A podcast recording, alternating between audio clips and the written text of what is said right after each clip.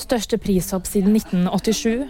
Mener politiet bør si hvilket stoff de mener jentene tok. Og nå får du slettet mer studielån i nord. I 2022 ble mat og drikke 6,5% dyrere. Det er det største prishoppet siden 1987, viser tall fra Statistisk sentralbyrå. Næringsminister Jan Christian Vestre og matminister Sandra Borch har invitert sentrale aktører for å høre hva de viktigste årsakene til prisøkningen er.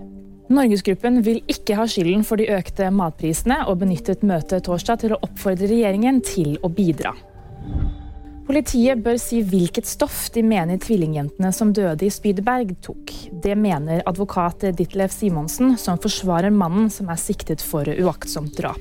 Politiets hovedhypotese er at jentene døde av en overdose, men hvilket type stoff ønsker de ikke å si noe om før den endelige obduksjonsrapporten. Det har politiadvokat Benedicte Granrud tidligere sagt til VG. Alle som bor og jobber i Finnmark kan få slettet mer av studielånet. Tilbudet gjelder også utvalgte kommuner i Nord-Troms. Tidligere var det mulig å få slettet 10% av lånet hvert år. Nå er det mulig å få slettet dobbelt så mye dersom du har bodd og jobbet i de aktuelle områdene i tolv måneder sammenhengende. VG-nyheter fikk du av meg, Anna Julie Bergesen.